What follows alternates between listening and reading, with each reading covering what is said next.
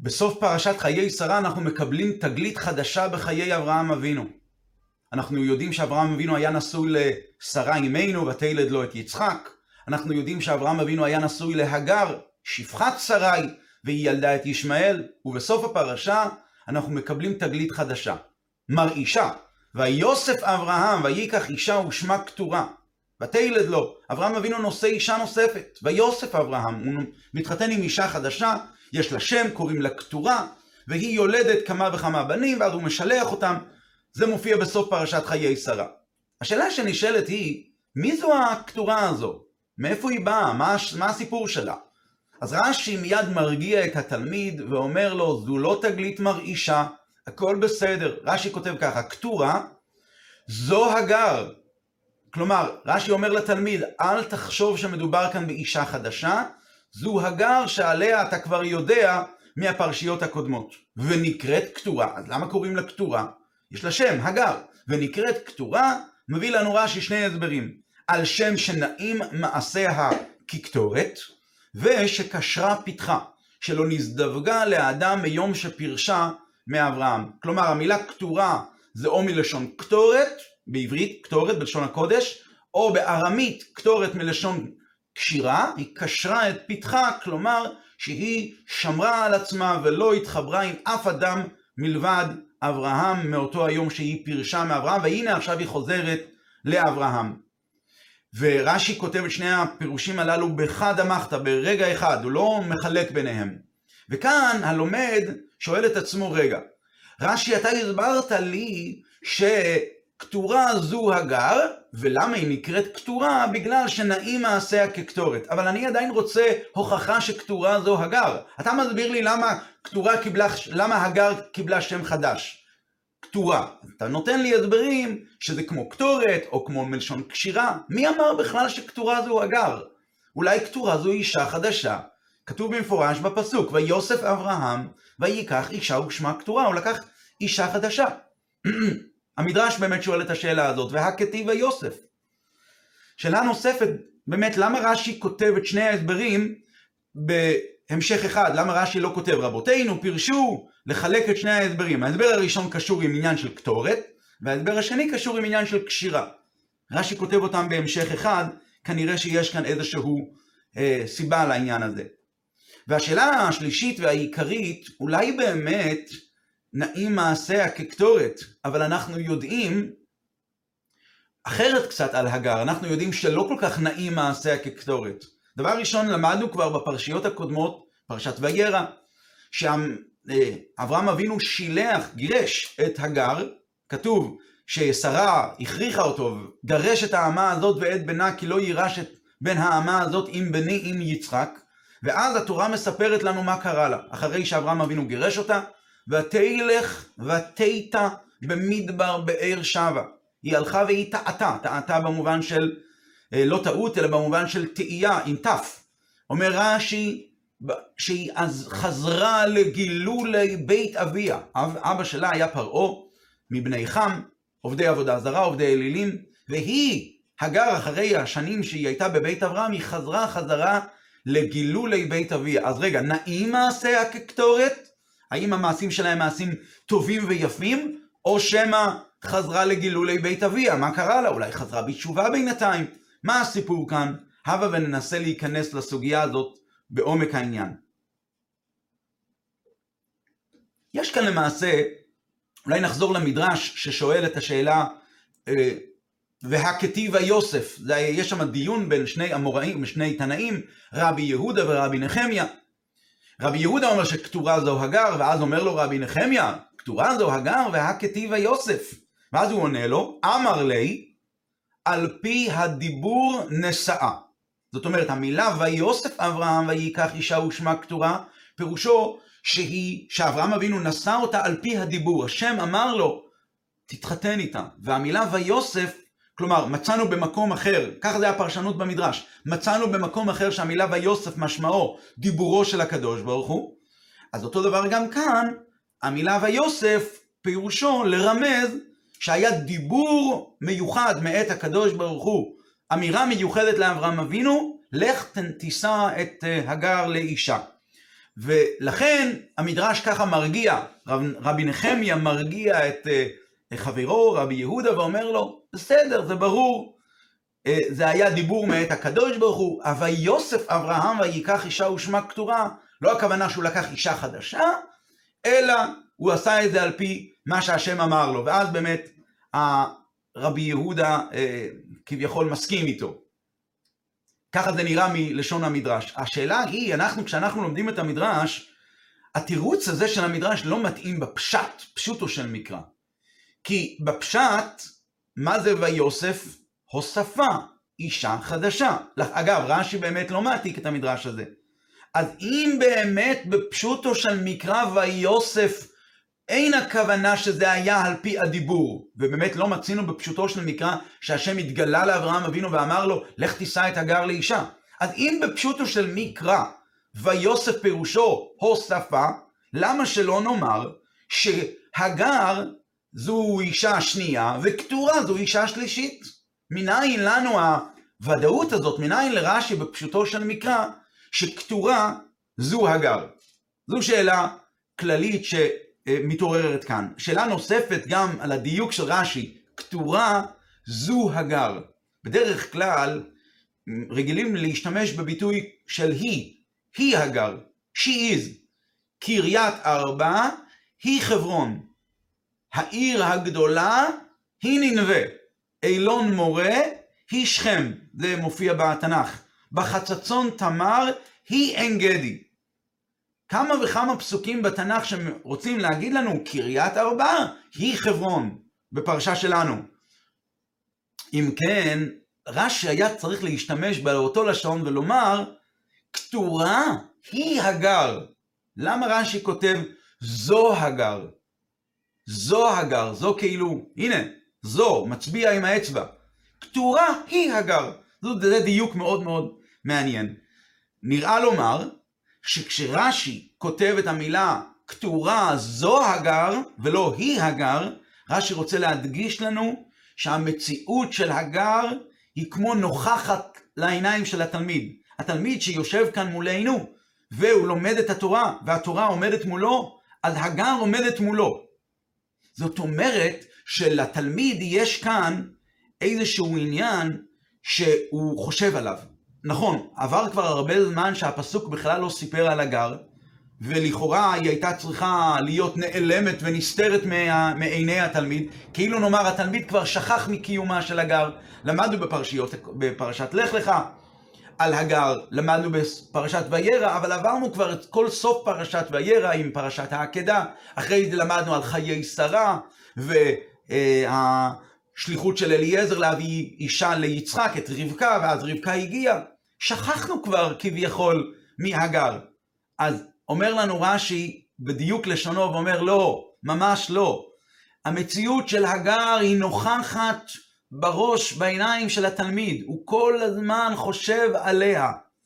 ולכן כשמגיע הפסוק ויוסף אברהם ואישה, ויקח אישה ושמה כתורה, אז התלמיד מיד מחבר אותה למה שעומד מולו כל הזמן, ורש"י כותב לנו, ורש"י כותב לתלמיד, אתה זוכר שמה שאתה שואל כאן?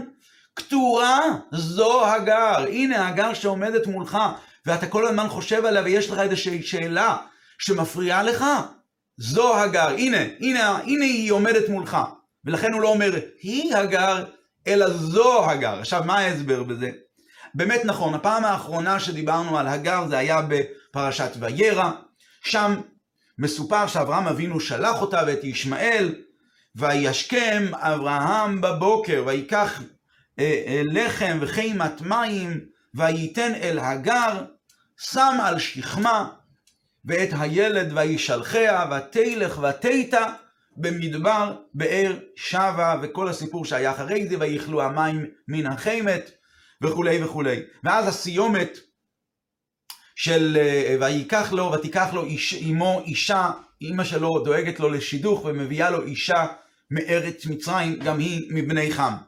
אז שם רש"י באמת מסביר, ותלך ותיתה חזרה לגילולי בית אביה. זאת אומרת שזו לא, לא הייתה סתם הליכה, ותלך, היא הלכה, אלא ותלך ותיתה. זו הייתה הליכה באופן של אה, טעות רוחנית רצינית ביותר, והיא חזרה לעבוד עבודה זרה. וכאן, זו השאלה של הבן. הבן שואל, הייתכן? הרי אפילו על אנשים שהם מן החוץ, אברהם אבינו השפיע עליהם את האמונה האמיתית בקהיל אחד, ויקרא שם בשם השם קהיל אחד, הקדוש ברוך הוא אה, אה, אה, הוא אחד. האמונה הזאת שאברהם אבינו מחדיר זה היה, רש"י אומר, בתחילת פרשת לך לך, אברהם מגייר את האנשים ושרה מגיירת את הנשים ואת הנפש אשר עשו בחרן. אז איך יכול להיות, שואל התלמיד, שאברהם לא הצליח להשפיע על הגר, שהייתה בת ביתו, היא הייתה עובדת שם ונמצאת כל הזמן בקרבת מקום, וראתה, והיא הכירה מלאכים עוד מבית אברהם, כמו שמסופר. איך יכול להיות שאברהם אבינו לא הצליח להשפיע עליה, שהיא תעזוב את הדרך של עבודה זרה? זו למעשה השאלה שמפריעה לתלמיד ועומדת לנגד עיניו כשהוא לומד את כל פרשת חיי שרה, והוא לא שכח את הגר. ונכון, גם בישמעאל, הבן של אברהם, בנו ממש, כתוב שהוא, כתוב שהוא יצא לתרבות רעה, וירא אברהם על אודות בנו שיצא לתרבות רעה. אבל אנחנו יודעים שבסופו של דבר הוא חזר בתשובה עוד בחיי אברהם אביו.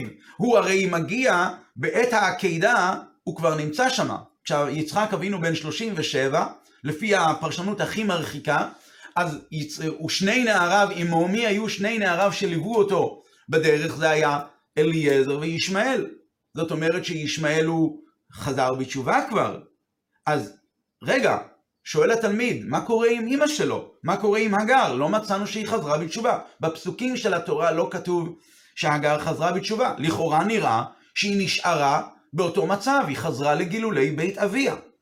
אז הקושייה הזו שהיא קושייה בצורה, על כל הסיפור הזה בצורה כללית, על הסיפור של הגר וישמעאל, היא זו שמכריחה, זה ההסבר בפשוטו של מקרא, שגם הגר חזרה בתשובה, ועליה אומר הפסוק כאן, ויוסף אברהם, ויקח אישה, ושמה כתורה, אומר רש"י כתורה, זו הגר. הדמות הזאת של הגר היא זו שמרחפת כל הזמן לעיני התלמיד, שעדיין שואל את עצמו איך יכול להיות שהיא עזבה את דרך השם, איך יכול להיות שאברהם לא השפיע עליה? אומר לנו רש"י, הנה, זו הגר. היא בסוף חזרה בתשובה, ולא סתם חזרה בתשובה, היא חזרה בתשובה עד כדי כך שקוראים לה כבר שם חדש, כתורה, על שם שנעים מעשיה כקטורת. אז אלא מה? מכיוון שסוף כל סוף היה זמן באמצע שבו באמת היא חזרה לגילולי בית אביה. רש"י מוסיף, אבל לא מוסיף את זה כביור שני, רש"י מוסיף שהשם כתורה מרמז לא רק על שנעים מעשיה כקטורת, עכשיו, כרגע, אחרי שהיא חזרה בתשובה, אלא הוא אומר יתרה מזו, במשך כל הזמן, גם כאשר היא חזרה לגילולי בית אביה, קשרה פתחה, שלא נזדווגה לאדם מיום שפירשה מאברהם. ולכן אברהם אבינו, שהיה צנוע בתכלית, הוא היה יכול לקחת אותה לאישה בלי שום חשש. ולכן, הפס... אגב, לפי זה רואים דבר מעניין, הפסוק, ויוסף אברהם, וייקח אישה ושמה כתורה, מופיע בתורה בהמשך לסיפור של רבקה, ויביאיה אה, יצחק האוהל לשרה עמו, וכולי וכולי, ומיד ויוסף אברהם ויקח אישה ושמה כתורה. מה, מה סמיכות הפרשיות כאן מלמדת אותנו? שגם שרה וגם רבקה, שהן היו צנועות בתכלית, אז מסתבר שכאשר אברהם בעקבות, אברהם, בעקבות בנו יצחק, ברור שהוא לוקח את אישה כזו, שהאישה הזו יש בה את המעלה של הצניעות. ולכן רש"י מביא כהסבר, לא הסבר שני, אלא כהמשך אחד, שיש כאן עוד עניין שגם קשרה פיתחה. עכשיו, למה באמת היא נקראת, למה באמת היא, כתוב בפסוק ויוסף אברהם ויקח אישה ושמה כתורה? אם באמת מדובר עכשיו, שאנחנו יודעים שמדובר בהגר, שאנחנו כבר מכירים את הסיפור שלה, אז למה התורה כתבה ויוסף אברהם?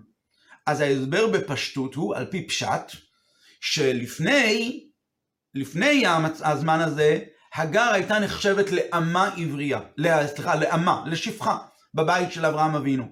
וגם כאשר אברהם אבינו נשא אותה לאישה, היא עדיין הייתה נחשבת לשפחה שלו. אבל עכשיו הוא לקח אותה כמו אישה ממש, ולכן כתוב, ויוסף אברהם, ויקח אישה ושמה כתורה, ויוסף מלשון תוספת חדשה ב... בנישואין, בקשר של אברהם והגר. עכשיו, הנושא הזה, יש לו כמובן אה, הסברים גם במובן הרוחני, וזה נותן לנו רעיונות בכלל, בכל המושג הזה של אברהם והקשר שלו אל, אל הגר, הגר היא הרי שפחה מצרית וכולי. אז בואו הבה וננסה ונשאל אולי כמה וכמה שאלות שהן יותר נוגעות בפנימיות העניינים, והן בפנימיות העניינים יהיה לנו הרבה יותר הסבר על השאלות שנשאל. אחרי הכל, למה באמת כתוב היוסף אברהם? נכון, בדרך הפשט הסברנו שזה נישואין חדשים, מקודם היא הייתה שפחה ועכשיו הוא לקח אותה כמו אישה, או לפחות כמו פילגש, נשים בכתובה, פילגשים בלי כתובה, אבל בכל אופן זה היה תוספת על, על החיבור של אברהם עם הגר מקודם. אבל בכל זאת, למה בפנימיות העניינים נאמר ויוסף? והסבר שני, למה, ושאלה נוספת, למה הביאו דוגמה לנעים מעשיה כמו קטורת? אולי היה צריך לקרוא לה בוסמת, שנעים מעשיה כמו בשמים. למה דווקא קטורת? נכון, קטורת זה גם עניין של בשמים כמובן, וכולי וכולי, אבל למה בכל זאת? למה, ב, למה המעשים שלה נרמזו דווקא בקטורת שהייתה בבית המקדש, בה בשעה שעדיין בכלל בית המקדש לא נבנה וכולי. וגם, שאלה שלישית ואחרונה, למה התורה רומזת את החזרה של הגר בתשובה דווקא בעניין הזה של הנישואין לאברהם. התורה יכלה להגיד שהגר חזרה בתשובה. למה דווקא זה מתבטא, החזרה בתשובה מתבטא בנישואין לאברהם, נישואין חדשים, ויוסף אברהם ויקח אישה, ודווקא על ידי זה פתאום אנחנו אומרים, או, היא חזרה בתשובה. כאילו החזרה בתשובה קשורה דווקא לנישואין. ולמה? מה ההסבר בזה? אז בתורת החסידות כתוב הנושא הזה מטופל ממש באריכות בספר תורה אור של אדמו"ר הזקן, והבן שלו אדמו"ר האמצעי, אור התורה של הצמח צדק. אדמו"רי חב"ד מדברים על זה באריכות רבה. נגיד את הנקודה, ההבדל בין אברהם אבינו לפני שהוא עשה ברית מילה לבין העבודה שלו אחרי. לפני שהוא, נסע, שהוא עשה ברית מילה הוא היה נקרא בשם אברהם. אברהם משמעו אב רם. רם נעלה ונשגב מהעולם. רם כמו רם על כל גויים. העבודה שלו הייתה ב... בתוך הקדושה עצמה, בדרגות אלוקיות גבוהות של הקדושה. מה, מה עם העולם? אברהם, הוא נעלה ומרומם מהעולם.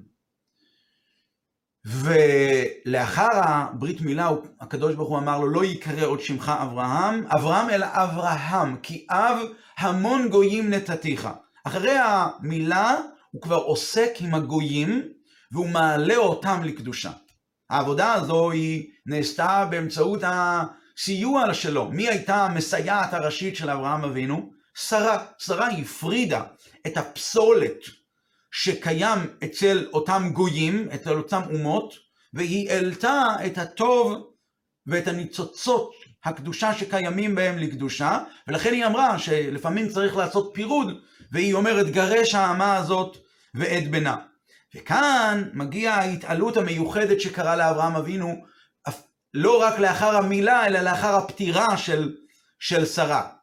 אחרי הפטירה של שרה, כאילו אברהם אבינו עבר כמה וכמה דרגות. היה לפני הברית מילה, היה לאחר הברית מילה, היה לאחר פטירת שרה. וכאן אחרי, כלומר שרה עשתה את העבודה שלה בשלמות וכבר סיימה את תפקידה בעולם. ועכשיו, ויוסף אברהם ויקח אישה ושמה כתורה, הוא מחזיר בתשובה הוא מחזיר בתשובה דבר ראשון את ישמעאל וגם את הגר. זאת אומרת, הוא מברר והוציא את הפסולת ששרה הפרידה, ועכשיו הוא מעלה את הניצוצות הקדושה חזרה. הזיכוך שהשרה עשתה, זה הייתה רק בדרגה שנקראת בשם קליפת נוגה. קליפת נוגה היא דרגה שמעורבת, שיש בה אה, טוב ורע מעורבבים זה בזה. ועל ידי שמפרידים את הפסולת הרע ומעלים, על ידי זה מתברר הטוב ונעלה והוא מתעלה לקדושה. מה עם, ה, מה עם הרע של השלוש קליפות הטמעות? גרש את האמה הזאת. הדברים השליליים שבהם הטוב ממש ממש נחשך ונעלם, פה אין כבר סיכוי. וזה מה שעושה אברהם אבינו לאחר פטירת שרה.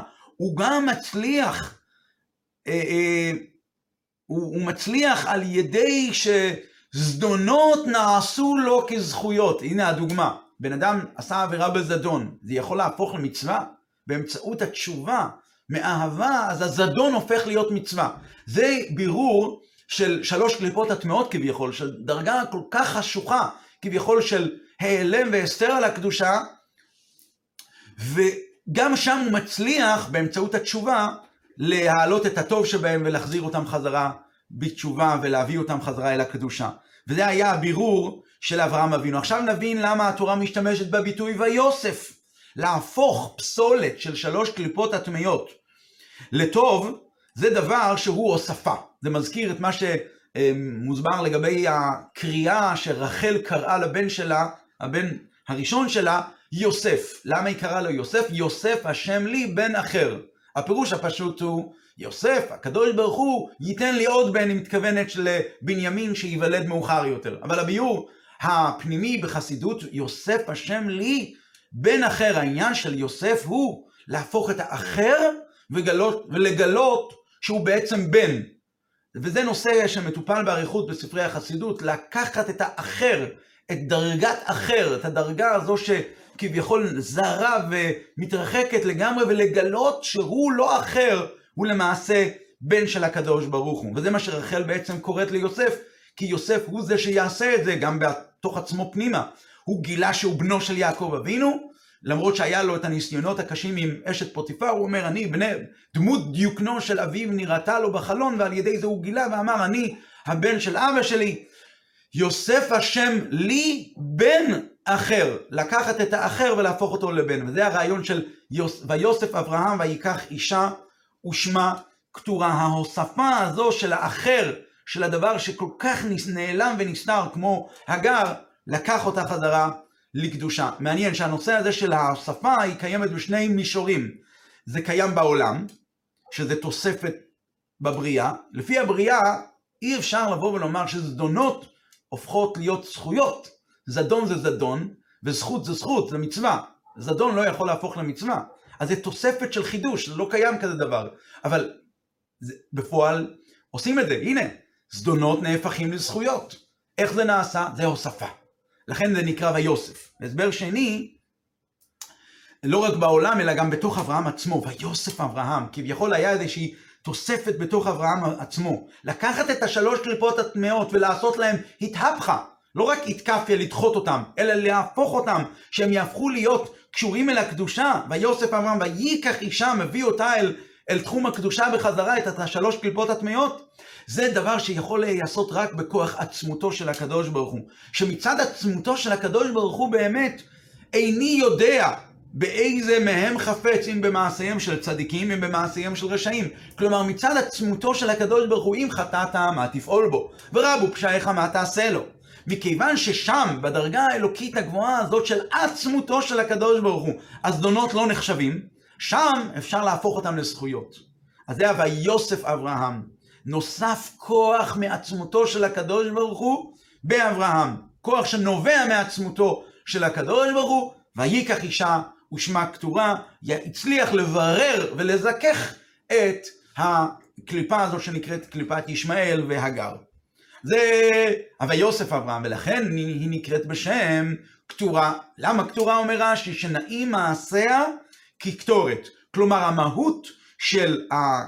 של של הגר הזו, זו הייתה כמו המהות של הקטורת. מהי הקטורת? בקטורת ישנם 11 אה, סממנים, ובין הסממנים יש גם את המור, שזה אה, דם של חיה טמאה, דם של חיה שהוא נהפך ל, לריח טוב. זאת אומרת שהקטורת היא, זה מזכיר את מה שכתוב בקבלה לגבי היוד א' קיטרין דמסאבותא, אותם 11 כוחות של הטומאה, שהקטורת היא צריכה כביכול לטפל באותם 11 קיטרין דמסאבותא, לא כאן המקום כרגע להסביר את העניין, אבל בכל אופן הקטורת היא מבררת ומזככת גם את החלבנה, את הדברים הרעים ואת השליליים, והופכת אותם לריח טוב, לריח של פסמים נפלאים, ולכן דווקא כאן זה, היא, היא קיבלה את ההשוואה לקטורת, כי ככה זה באמת היה אצלה. ולמה באמת מזכירים את העניין הזה של החזרה בתשובה של, של הגר בעניין הנישואין? למה לא מזכירים את זה בצורה סתמית? כי התכלית של לקחת אישה זה פרו ורבו, להוליד, לעשות תוספת, לעשות תוספת חדשה, התחדשות, להביא תוספת חדשה בעולם. לכן החזרה בתשובה של הגר, שזוהי למעשה תוספת חדשה בבריאה, זדונות נעשו זכויות, זה דבר שאין אותו בבריאה כביכול. והתוספת הזאת שנובעת מעצמותו של הקדוש ברוך הוא, הדבר הזה הוא וייקח אישה, כי התוספת הזאת, התכלית שלה היא ותלד לו, ולכן בנישואין, שהתכלית של הנישואין הוא פירו ורבו, להוסיף, לכן החזרה הזו של הגר בתשובה, החזרה הספציפית הזו של הגר, היא-היא מתבטאת דווקא בעניין של נישואין ולא במשהו אחר. לפי הרעיון הזה נבין סיפור בגמרא. הגמרא מביאה במסכת זבחים סיפור על רבי טרפון עם האחיינים שלו, בני אחותו. הגמרא אומרת ככה, אקרא את זה בארמית, בני אחתי דרבי טרפון, הבו יתווי קמי דרבי טרפון, ולא הבו אמרי מידה, לא אמרו כלום, ישבו לפניו ולא אמרו כלום, לא דיברו בדברי תורה. ורבי טרפון ניסה איכשהו לגרות אותם שיתחילו ללמוד, פתח ואמר, ויוסף אברהם וייקח אישה ושמה יוחני, ככה הוא אמר. אז רש"י אומר, מילתא בעלמא, הוא דקאמר, כדי לפתוח פיהם, הוא ניסה איכשהו לפתות אותם שיתחילו לדבר, אז הוא אמר, וייקח ויוסף אברהם, הוא קרא את הפסוק לא בצורה נכונה, שמה יוחני. אמרי לי, אז הילדים אמרו, האחיינים, אמרי לי, כתור הכתיב. הם מתקנים את הדוד, את רבי טרפון, לא כתוב וייקח אברהם אישה, ויוסף אברהם ויקח אישה ושמה יוחני, אלא ויוסף אברהם ויקח אישה ושמה כתורה, כתור הכתיב. אמר, קרי עליהם בני כתורה. אז הוא אומר, אה, אתם בני כתורה. אז רש"י מסביר את המילים האלה. אינם יודעים לדבר בהלכה. ככה רש"י כותב. בפשטות, מה היה כאן? הבנים של החי... אחותו של רבי טרפון ישבו לפני הדוד ושתקו, אז רבי טרפון מנסה לשדל אותם לדבר, אז הוא מזכיר את יוחני. יוחני זה שם של מכשפה. זאת אומרת, כאילו אברהם אבינו נשא אישה מכשפה. רש"י אומר, אה, כגון יוחני בת רטיבי, אלמנה מכשפה הייתה. ככה רש"י אומר במסכת סוטה, אנחנו תכף נדבר על זה. אז אה, יוחני, יוחנה, זה היה כינוי למחשבים, למכשפות. אז כשהם שמעו את הציטוט הזה של הדוד, של רבי טרפון, אז הם, אומרות, הם אומרים לו, והלא אין, זה, זה לא הלשון של הפסוק, כתור הכתיב. אז רבי טרפון אומר, בני כתורה אתם, אתם לא יודעים לדבר בהלכה. הסיפור הזה מעלה כמה וכמה תמיהות. דבר ראשון, למה הגמרא מספרת בגנות של בני רבי טרפון? הרי חז"ל אומרים שאפילו בגנות בהמה טמאה לא דיבר הכתוב. התורה אומרת, ואת הבהמה אשר איננה טהורה, היא לא אומרת את הבהמה הטמאה, את הבהמה אשר איננה טהורה בפרשת נוח. למה? כי אפילו בגנות של בהמה, שהיא באמת בהמה טמאה, התורה לא דיברה. אז, אז למה התורה מספרת לנו על הגנות של בני אחותו של רבי טרפון שלא רצו ללמוד?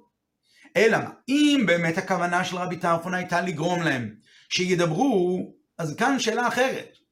יש כמה וכמה דרכים לעורר, לעורר את התלמידים האלה שכן ידברו. דווקא הדרך היחידה לעורר אותם היא להשתמש בפסוק שבתורה ולשנות אותו עם הוספה של שם של מכשפה כדי לעורר אותם ללמוד, זה הדרך? אין דרכים אחרות? ובגלל, ושאלה נוספת, האם בגלל שהם לא דיברו בהלכה, לכן מתאים, מותר לכנות את הילדים, את האחיינים שלו, בשם בני כתורה? ובכלל, מה משמיע לנו הגמרא בסיפור הזה? למה זה נוגע לנו? למה התלמוד מביא את הסיפור הזה? אם זה באמת קרה, זה קרה, אבל למה התלמוד צריך לספר לנו את זה? למה היא נפקא מינה? אז כאן, עכשיו נבין את העניין בהמשך למה שאמרנו מקודם. אולי בהקדמה של אה, אה, דברי חז"ל, הגמרא אומרת ככה, רש"י גם מביא את זה בפרשת במדבר, כל המלמד את בן חברו תורה, מעלה עליו הכתוב כאילו ילדו. זאת אומרת, באמצעות לימוד תורה, שבן אדם מלמד תורה את בן חברו, מלמד, אדם מלמד תלמיד תורה, אז התלמיד נעשה מציאות חדשה. ומכיוון שהתלמיד נעשה מציאות חדשה, אז הרב שלו, שלימד אותו תורה, הוא כאילו ילדו. הוא לא ילדו ממש, הוא כאילו ילדו. עכשיו, חזרה לרבי טרפון. כשרבי טרפון רואה שהבנים של אחותו לא שייכים בכלל להבין את התורה, אז הוא משתדל ליצור איזשהו קונטקט, איזשהו קשר ביניהם ובין התורה.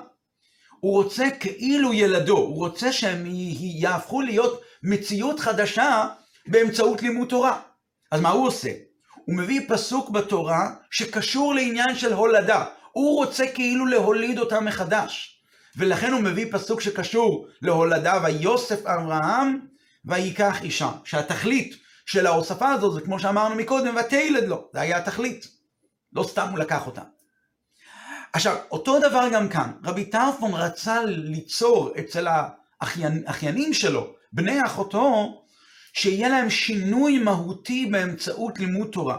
ולכן הוא פתח ואמר, הוא אמר, אני רוצה שאתם תתחילו להתעסק בענייני התורה, ויהיה לכם לידה, ואתם כאילו תהיו ילדות, כאילו תהיו ילדיי שלי. אני רוצה כביכול להוליד אתכם מחדש, ממציאות כזאת של אי ידיעת התורה, למציאות חדשה של ידיעת התורה, של לומדי תורה. אז מה, מהנקודה, מהסיבה הזו, רבי טרפון בחר דווקא את השם יוחני. השם יוחני, למרבה הפלא, הוא שם שקשור גם הוא ללידה, ולא סתם ללידה, אלא ללידה באופן ניסי, באופן על-טבעי, מעל דרכי הטבע. הגמרא מספרת, רש"י מספר לנו במסכת סוטה, על יוחני בת רטיבי. אומר לנו רש"י, אלמנה מכשפה הייתה, וכשמגיע עת לידת אישה, הייתה עוצרת רחמה במכשפות. כלומר, היא הייתה מכשפה, והיא הייתה יכולה, אם על ידי כישוף, לעצור את הלידה ושהלידה לא תתקדם. ולאחר שמצטערת הרבה, היולדת, זו שאחזו החבלי לידה והיא לא מצליחה ללדת, היא מצטערת ומצטערת, הייתה אומרת, אז יוחני, בת רטיבי, הייתה אומרת, אלך ואבקש רחמים, אולי תשמע תפילתי, ככה היא הייתה מציגה את עצמה. והולכת וסותרת כשפיה, ואז היא הייתה שוברת את הכישוף שהיא פעלה מקודם, מבטלת אותו, והוולד יוצא. וידעו כי בעלת כשפים היא, ככה רש"י אומר במסכת סוטה. זאת אומרת, היה לה רצון לאותה מכשפה, לאותה יוחני, שיחשבו שהלידה היא לידה ניסית, כתוצאה מהתפילות שלה. ולכן מסתבר שהשם יוחני הוא גם כן שם שקשור עם לידה, ולידה על-טבעית, אמנם לא בדרך הרצויה, אבל גם היא זה קשורה למשהו שהוא לידה, וגם המילה יוחני היא מזכירה עניין של נס, מזכיר לנו את מה שהגמרא אומרת, הרואה הונה בחלום, נס נעשה לו, הרואה יוחנן בחלום, ניסי ניסים נעשו לו. זאת אומרת שיש קשר בין עניין של לידה והמילה יוחני, גם מזכיר את הפסוק, הילדים אשר חנן אלוקים את עבדיך, יעקב אבינו אומר לעשיו, חנן גם הוא מלשון יוחני. עכשיו נבין טוב מאוד למה רבי טרפון אומר לאחיינים שלו, בני אחותו, ויוסף אברהם רוצה לעורר אותם, אז הוא מצטט את הפסוק, ויוסף אברהם, וייקח אישה, ובמקום להשתמש בשם כתורה, שמופיע בפסוק, הוא משתמש בשם יוחני. ויוסף אברהם ויקח אישה ושמה יוחני. וזה מעורר אותם ללמוד תורה. השם כתורה הוא קשור עם עניין של קשירה, שעוצרת רחמה. שזה ההפך מהעניין של הלידה, לקשור, לעצור, לא ללדת. יוחני פירושו לידה טבעית, לידה ניסית, על, על טבעית, מעל גדרי הטבע. רבי טרפון רצה לפעול בהם את העניין של הלידה מחדש באמצעות לימוד תורה, מעבר לטבע הפנימי של בני אחותו. הטבע הפנימי שלהם היה אין לנו קשר ללימוד תורה. אבל הוא רצה לפעול אצלם עניין של לידה. כל המלמד את בן חברו תורה, כאילו ילדו. אז לכן הוא דווקא בחר בשם שמבטא לידה, ולא סתם לידה, אלא לידה ניסית. ויוסף אברהם ויקח אישה ושמה יוחני. אז כשהבנים של אחותו נענו לו והתחילו לתקן אותו ואמרו לו, לא כך כתוב, ושמה כתורה. אז הוא אומר, קרי עליי הוא, קורא עליהם בני כתורה. ואז הוא מסביר להם שהכוונה שלו, שהוא שינה מלשון התורה, זה שאם הם יקראו כתורה, כתורה מלשון עצירת הרחם, קשרה פיתחה, עצירה, לעצור את הרחם, אז הם יישארו בני כתורה. הם יישארו עם מוח אטום, לא יהיה להם שום קשר להבנת התורה. כדי לפעול אצלם את העניין של הלידה, את הפתיחת המוח להבנת התורה, לכן הוא שינה, הוא כאילו מסביר להם, אני לא רציתי שאתם תהיו בני כתורה, אני לא רציתי שאתם תישארו אה, אטומי מוח לא קשורים ללימוד התורה. זה באופן אחד. באופן עמוק יותר, אחרי שבני אחותו של רבי טרפון התחילו לדבר סוף סוף בדברי תורה, והוא אמר, או, oh, יש קשר ביניהם אל התורה, והוא באמת, הם יודעים משהו, אז קרי עליי הוא בני כתורה. קרי זה מלשון קרא עליהם. לקרוא, זה כמו לקרוא לחברו. לקרוא לחברו בוא הנה. כלומר, קרא, הכוונה היא המשיך עליהם. קרא, המשיך עליהם המשכה חדשה, באותה, ממש מזכיר את ההמשכה שהמשיך אברהם אבינו על בני כתורה בדור שלו. הרמב"ם כותב שבני כתורה הם זרעו של אברהם אבינו, והם חייבים במילה, אומר הרמב"ם. זאת אומרת, אברהם השפיע ופעל בהם המשכה חדשה, המשכה שלא לפי סדר הרגיל, הצינורות המקובלים של סדר ההשתלשלות, לפי הסדר ההשתלשלות, לא, הם לא צריכים להגיע לעניין של מילה, ואברהם אבינו הצליח ופעל בהם המשכה חדשה והם כן חייבים במילה, ו... וזה קרה מצד הדרגה המעולה של אברהם אבינו, ולכן הם, הם היו צריכים מילה, מילה זה גם ראשי תיבות, מי יעלה לנו השמיימה, וסופי התיבות של המילה מי יעלה לנו השמיימה, זה שם הוויה, כלומר שיש כאן המשכה שהיא מעל סדר ההשתלשלות. אותו דבר גם רבי טרפון, קרי עליי הוא בני כתורה, הוא קורא לאחיינים שלו, הוא ממשיך עליהם, מביא עליהם אל תוך תוכם את העניין של לידה על ידי לימוד התורה. וההמשכה הזו שרבי טרפון המשיך עליהם, זה היה מעל הסדר הרגיל, מעל הצינורות המקובלים, כי הם לא היו, שי... לא, לא היו שייכים לזה בכלל, והוא הצליח להשפיע עליהם בדוגמת ההשפעה שהשפיע אברהם אבינו על בני קטורה שגם הם שייכים ל, ל, לברית מילה. שיהיה לנו שבוע טוב ובשורות טובות ומשמחות.